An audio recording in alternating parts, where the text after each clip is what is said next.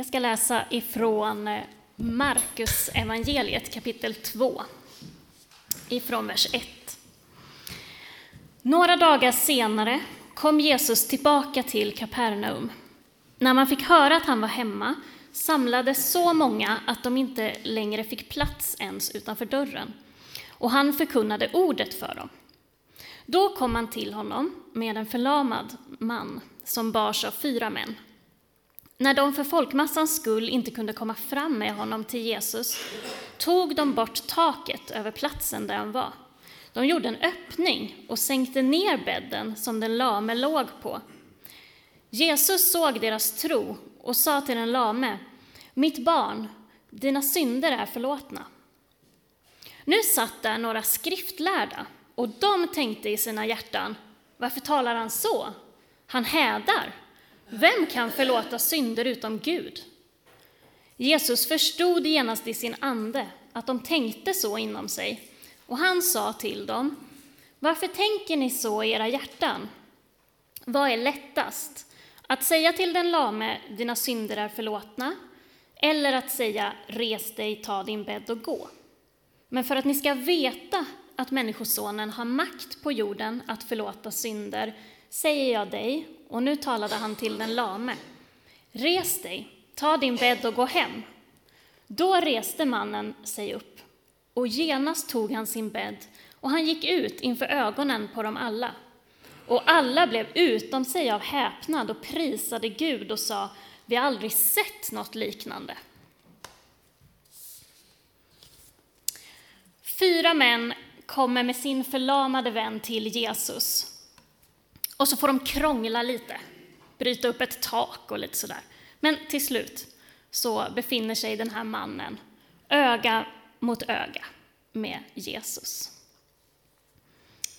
Och det första Jesus säger är Mitt barn, dina synder är förlåtna. Jag tycker det här är intressant. Det första Jesus säger när en lam man hissas ner på en bädd genom taket, det är dina synder är förlåtna.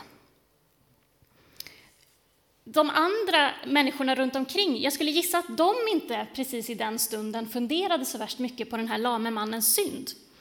Utan de var nog eh, fullt upptagna med att vara väldigt förvånade över vad är det som har hänt nu och vilka är det här och vad hände här och oj, vad ska Jesus göra nu och, och sådär. För en gångs skull så är det inte människor som funderar över en annan människas synd, utan det är Jesus själv som gör det. För jag menar i andra berättelser, vi har ett antal berättelser i Bibeln där andra människor är ganska snabba med att påpeka andra människors synd. Vi har till exempel den så kallade äktenskapsbryterskan i Johannes 8. Det är en mängd eh, skriftlärda som drar fram kvinnan till Jesus och säger Mästare, den här kvinnan har tagits på bar gärning när hon begick äktenskapsbrott. Vad säger du om det? Eller när Jesus går fram till trädet där Sackaios sitter och säger Sackaios, kom ner, idag vill jag gästa ditt hem. Då börjar alla människor runt omkring, nej men vad är det här? Han, han ska ju ta in hos en syndare. Va? Vill Jesus gå och äta middag hos en syndare? Eller i allmänhet att Jesus eh, äter eh, och umgås med människor och de fariseerna, de skriftlärda, säger vid ett flertal tillfällen den där mannen umgås med syndare och äter med dem. Så ett antal gånger i Bibelns berättelser så ser vi hur människor pekar på andra människor och säger det där är en syndare, de där är syndare. Hallå Jesus, ser du inte att de där är syndare? Men i den här berättelsen så är det Jesus själv som påpekar eller lyfter fram eh, mannens synd. Och det tycker jag är intressant med den här berättelsen. För det här andra sättet är då att, att människor pekar på andra människors synd. Det är ju ett sätt för oss som människor att dela med synd och svårigheter och dåligheter, det är att peka på någon annan och säga, ja men titta på den där, titta vad hon har gjort, eller titta vad han har gjort, eller titta hur, hur de beter sig. Aja baja, ser ni där borta? Kanske handlar det ganska ofta om att, titta inte på mig, titta på dem där. Eller, ja, jo, jo, visst, jag kanske har gjort dåliga saker också, men inte som dem. Det är en tendens som vi, vi lätt har att ta till. Och det har vi gjort sedan urminnes tider. Adam och Eva. Gud säger, har märker, men vad har ni gjort? Har ni ätit av trädet? Nej, säger Adam, eh, det var hon. Det var Eva som sa att jag skulle ta. Nej, nej, nej, säger Eva, det var ormen. Det var ormen som sa. Lätt att peka på någon annan, att skylla ifrån sig på någon annan, att säga nej, nej, jag har inte gjort, eller jo, kanske jag har gjort, men de har gjort det mycket värre. Men det är inte heller ett, bara ett, liksom ett mönster som finns inom människor som, hos människor som är religiösa eller använder andliga ord, utan det finns ju i hela samhället. Hur vi vill peka på dem som gör fel, lyfta fram dem, hänga ut dem på olika sätt. Titta vad den här har gjort. Vet ni vad de här har i bagaget? Eller att man letar efter syndabockar. Om bara inte de gjorde så här, då skulle vi minsann ha det bra. Eller om inte de var här, då skulle vi minsann må bra. Eller, det var i alla fall inte jag som började, det var någon annan. Hela vårt samhälles sätt att hantera när någonting går fel eller när man gör ett misstag, det är att på något vis peka på någon annan, hänga ut någon annan, skylla på någon annan. Eh, och om jag har gjort ett fel, ja, men det är väl inte så farligt. Eh, sådär. Därför att det finns, och ut, eftersom vi har den kulturen så är det också så att det är väldigt riskabelt i det här samhället att vara, om man är en, en, en offentlig person, att vara en som går fram och säger jag hade fel, jag gjorde fel, jag ber om ursäkt. Därför att i den kultur vi har så blir det ju ah, Ser ni, han gjorde fel, han säger det till och med själv, hon säger det till och med själv, bort med den, vi måste ha fram någon annan. Eh, så det finns ingen, inget tryggt sätt riktigt att faktiskt stå för det man har gjort, eller bara be om ursäkt. Men som sagt, i den här berättelsen med den lame mannen så verkar det ju nästan som att det är helt utan anledning som Jesus väljer att att säga till mannen, dina synder är förlåtna. Han uppmärksammar synden. Men det är ju just det, på vilket sätt uppmärksammar Jesus den här mannens synd?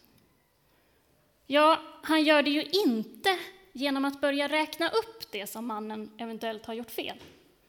Det är inte så att han säger, du har gjort fel på det här sättet, på det där sättet, du har vänt dig bort från Gud, du har struntat i honom, du är stolt, du har minsann legat här på din madrass och tänkt fula tankar, jajamensan, det vet jag nog.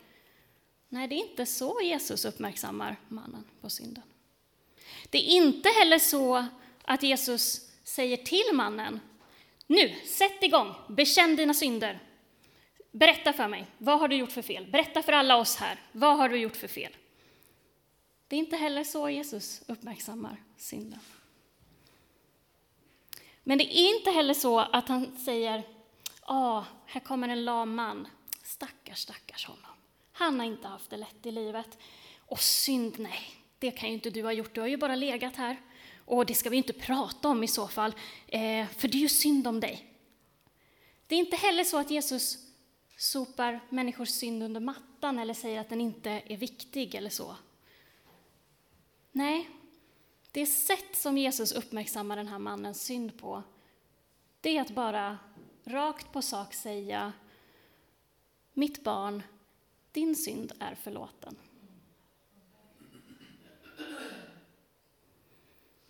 Om Jesus helt oväntat och oförberett stod framför dig och såg dig i ögonen och det första han sa till dig var mitt barn, dina synder är förlåtna. Hur känns det? Vad händer i dig då? Kanske beror det lite på vad man har för historia med ordet synd. Kanske är det så att det inte riktigt går att ta till sig vad Jesus säger, därför att jag har lärt mig något av de här liksom lite, att jag måste liksom bekänna min synd varje dag, för annars tycker inte Gud om mig. Så nu gäller det att tänka ut något idag. Åh, vad gjorde jag idag? Jo, jag tänkte nog en dum tanke. Gud, förlåt mig för min dumma tanke, tycker du om mig nu? Om jag har den tanken med mig, om vad synd är.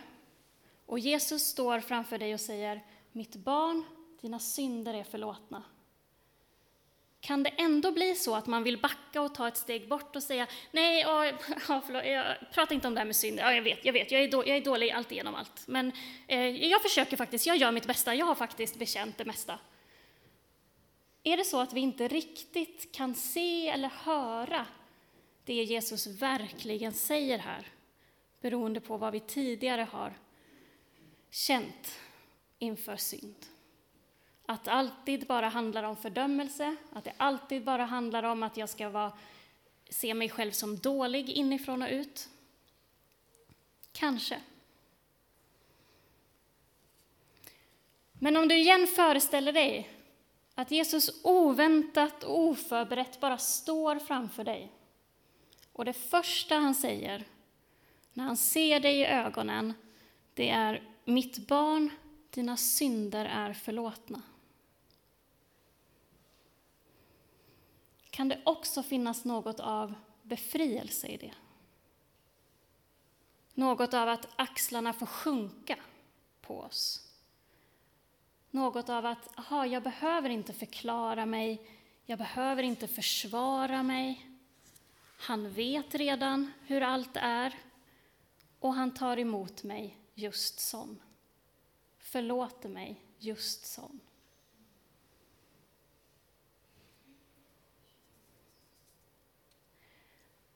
Jesus pekar inte på vår synd för att sätta dit oss utan för att han ser oss sådana som vi är. Varken bättre eller sämre än andra människor, bara sådana som vi är.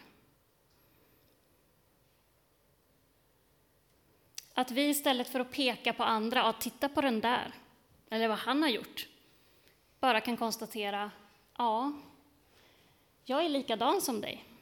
Jag kanske inte gör exakt samma handlingar, men ja, jag har det också i mig. Precis som du, precis som du, precis som du. För det är bara sådana vi är, varken bättre eller sämre än andra. Och att Jesus möter mig och säger dina synder är förlåtna på exakt samma sätt som han möter den som jag tycker har begått något fruktansvärt och hemskt. Jesus står inför den människan också och säger dina synder är förlåtna. Jesu inbjudan till ett liv med honom ser likadan ut oavsett vad vi kommer ifrån. Oavsett vad vi kan tycka att vi har gjort fel eller inte gjort fel så möter han oss. Och de första orden är Mitt barn, dina synder är förlåtna.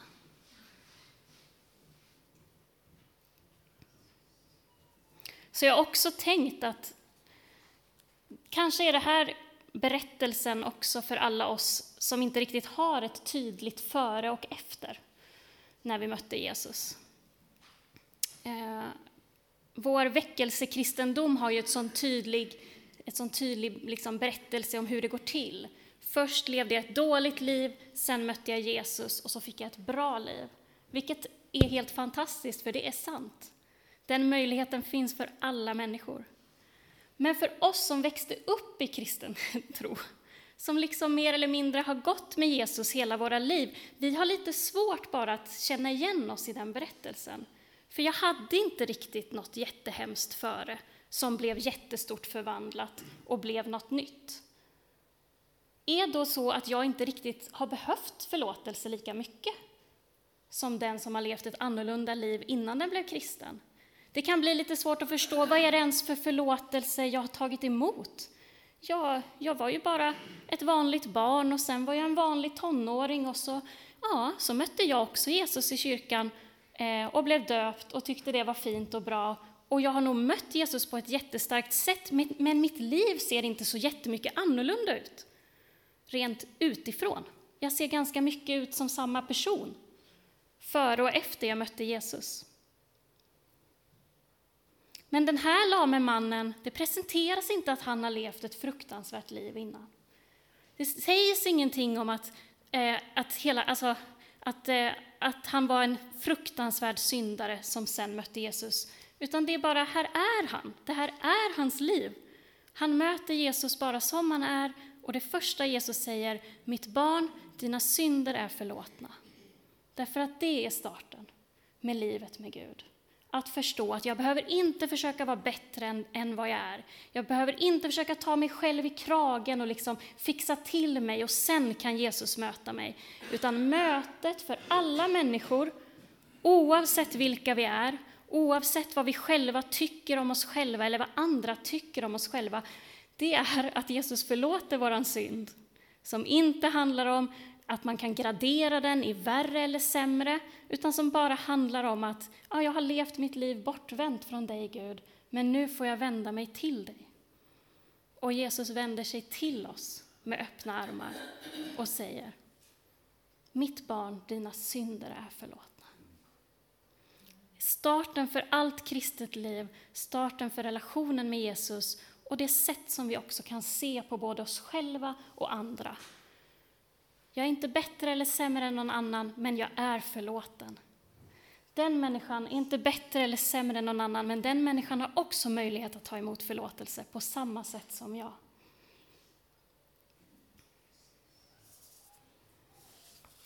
Så kan det vara så att det finns en befrielse i orden Mitt barn, dina synder är förlåtna.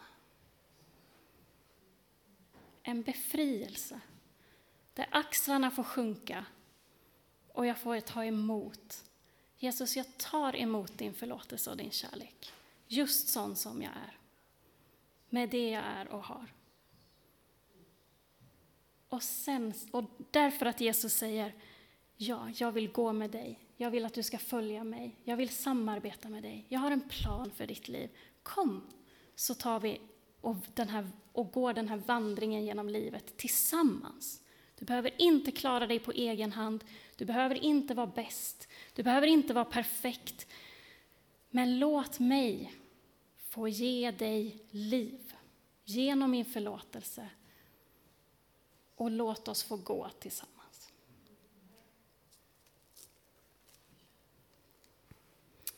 Och så fortsätter berättelsen.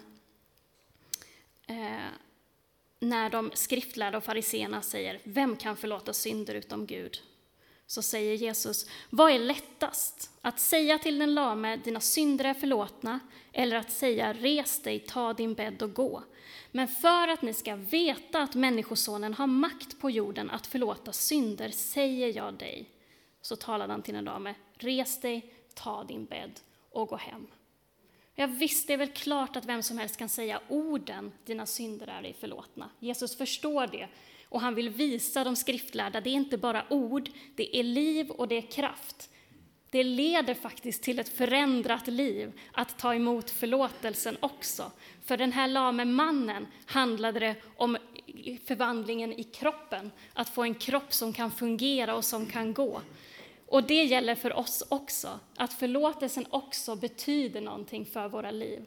För att Jesus vill ge liv till våra ande, själ och kropp. Och det kommer se olika ut för oss, för alla är vi inte lama som den här mannen. Men för honom bevisades det att orden, att han är förlåten för sina synder, ja, det är sant därför att han fick kraft till sin kropp att kunna gå. Det är något annat för oss, eh, var och en av oss, men det finns en kraft bakom orden. Jesus är inte bara ord, han är liv, han är verklighet han är på riktigt. Eh. Så mannen reste sig upp, han tog sin bädd, han gick ut inför ögonen på dem alla och alla blev utom sig av häpnad och prisade Gud och sa, vi har aldrig sett något liknande. Det är den Gud vi tror på och tillhör.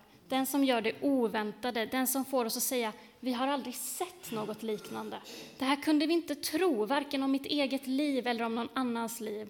Och jag är lite diffus, för det betyder olika saker för oss. Jag vet inte exakt vad Gud gör liksom i ditt liv till, i detalj, eller vad han vill göra här i Bua, i vår församling eller på den här orten. Men att han vill göra någonting och att han kan göra någonting, det vet vi. Det vet vi. Och det börjar med det här mötet. Att Jesus står framför oss var och en och säger, dina synder är förlåtna. Var inte orolig mitt barn. Jag har en plan för ditt liv, jag har en tanke för ditt liv. Jag är så mycket större än du kan förstå eller tänka. Och så ber han oss ta emot det. Ta emot det jag har för dig. Amen. Vi ber tillsammans. Tackar dig Jesus att vi får stå inför dig, sitta inför dig Herre. Du som är konungars konung och herrarnas herre, du som kom hit till jorden för att bli människa och för att visa oss vem Gud är. För att visa oss att du Gud är en Gud som förlåter synd, som upprättar och befriar och ger nytt liv, Herre. Du gjorde det då och du gör det idag, Herre. Och det ser ut på så många olika sätt. Ibland fastnar vi i former, Herre, att, att livet tillsammans med dig ska se ut på ett visst sätt, Herre. Men det ser inte likadant ut för oss, men du verkar och du vill verka i oss, Herre.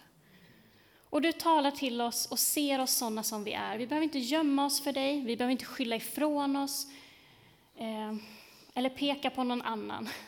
Utan du, vill, du ser oss som vi är. Du ser det goda i våra liv, det som blir misslyckat, det som blir fel, Herre. Allt det ser du, men du bara ser på oss med dina kärleksfulla ögon och du säger, mitt barn, dina synder är förlåtna. Herre, hjälp oss att leva i den förlåtelsen. Inte utifrån att vi ska vara perfekta och klara allting, utan att vi gång på gång får komma till dig, Herre. Att vi gång på gång får hämta vår kraft hos dig och vår uppmuntran hos dig och det vi behöver för att klara våra vardagliga liv, Herre. Jag tackar dig, Herre, för att ditt ord är kraft och att det är verklighet och att det gör skillnad, Herre. För var och en av oss personligen och för vår församling och för den här bygden, Herre. Herre, du ser också om vi bär på, på saker som har blivit fel tidigare i, i att vi kanske har fördömt oss själva eller känt oss fördömda av andra. Att det här ordet om synd har varit så tungt och så svårt. Herre, hjälp oss att, att förstå vad du menar när du talar om synd, inte vad andra människor menar. Och låt oss få ta emot befrielsens budskap. Att du tog all synd och skuld och skam på dig, Herre. Och att vi lever förlåtna, Herre. I dig. I Jesu namn. Amen.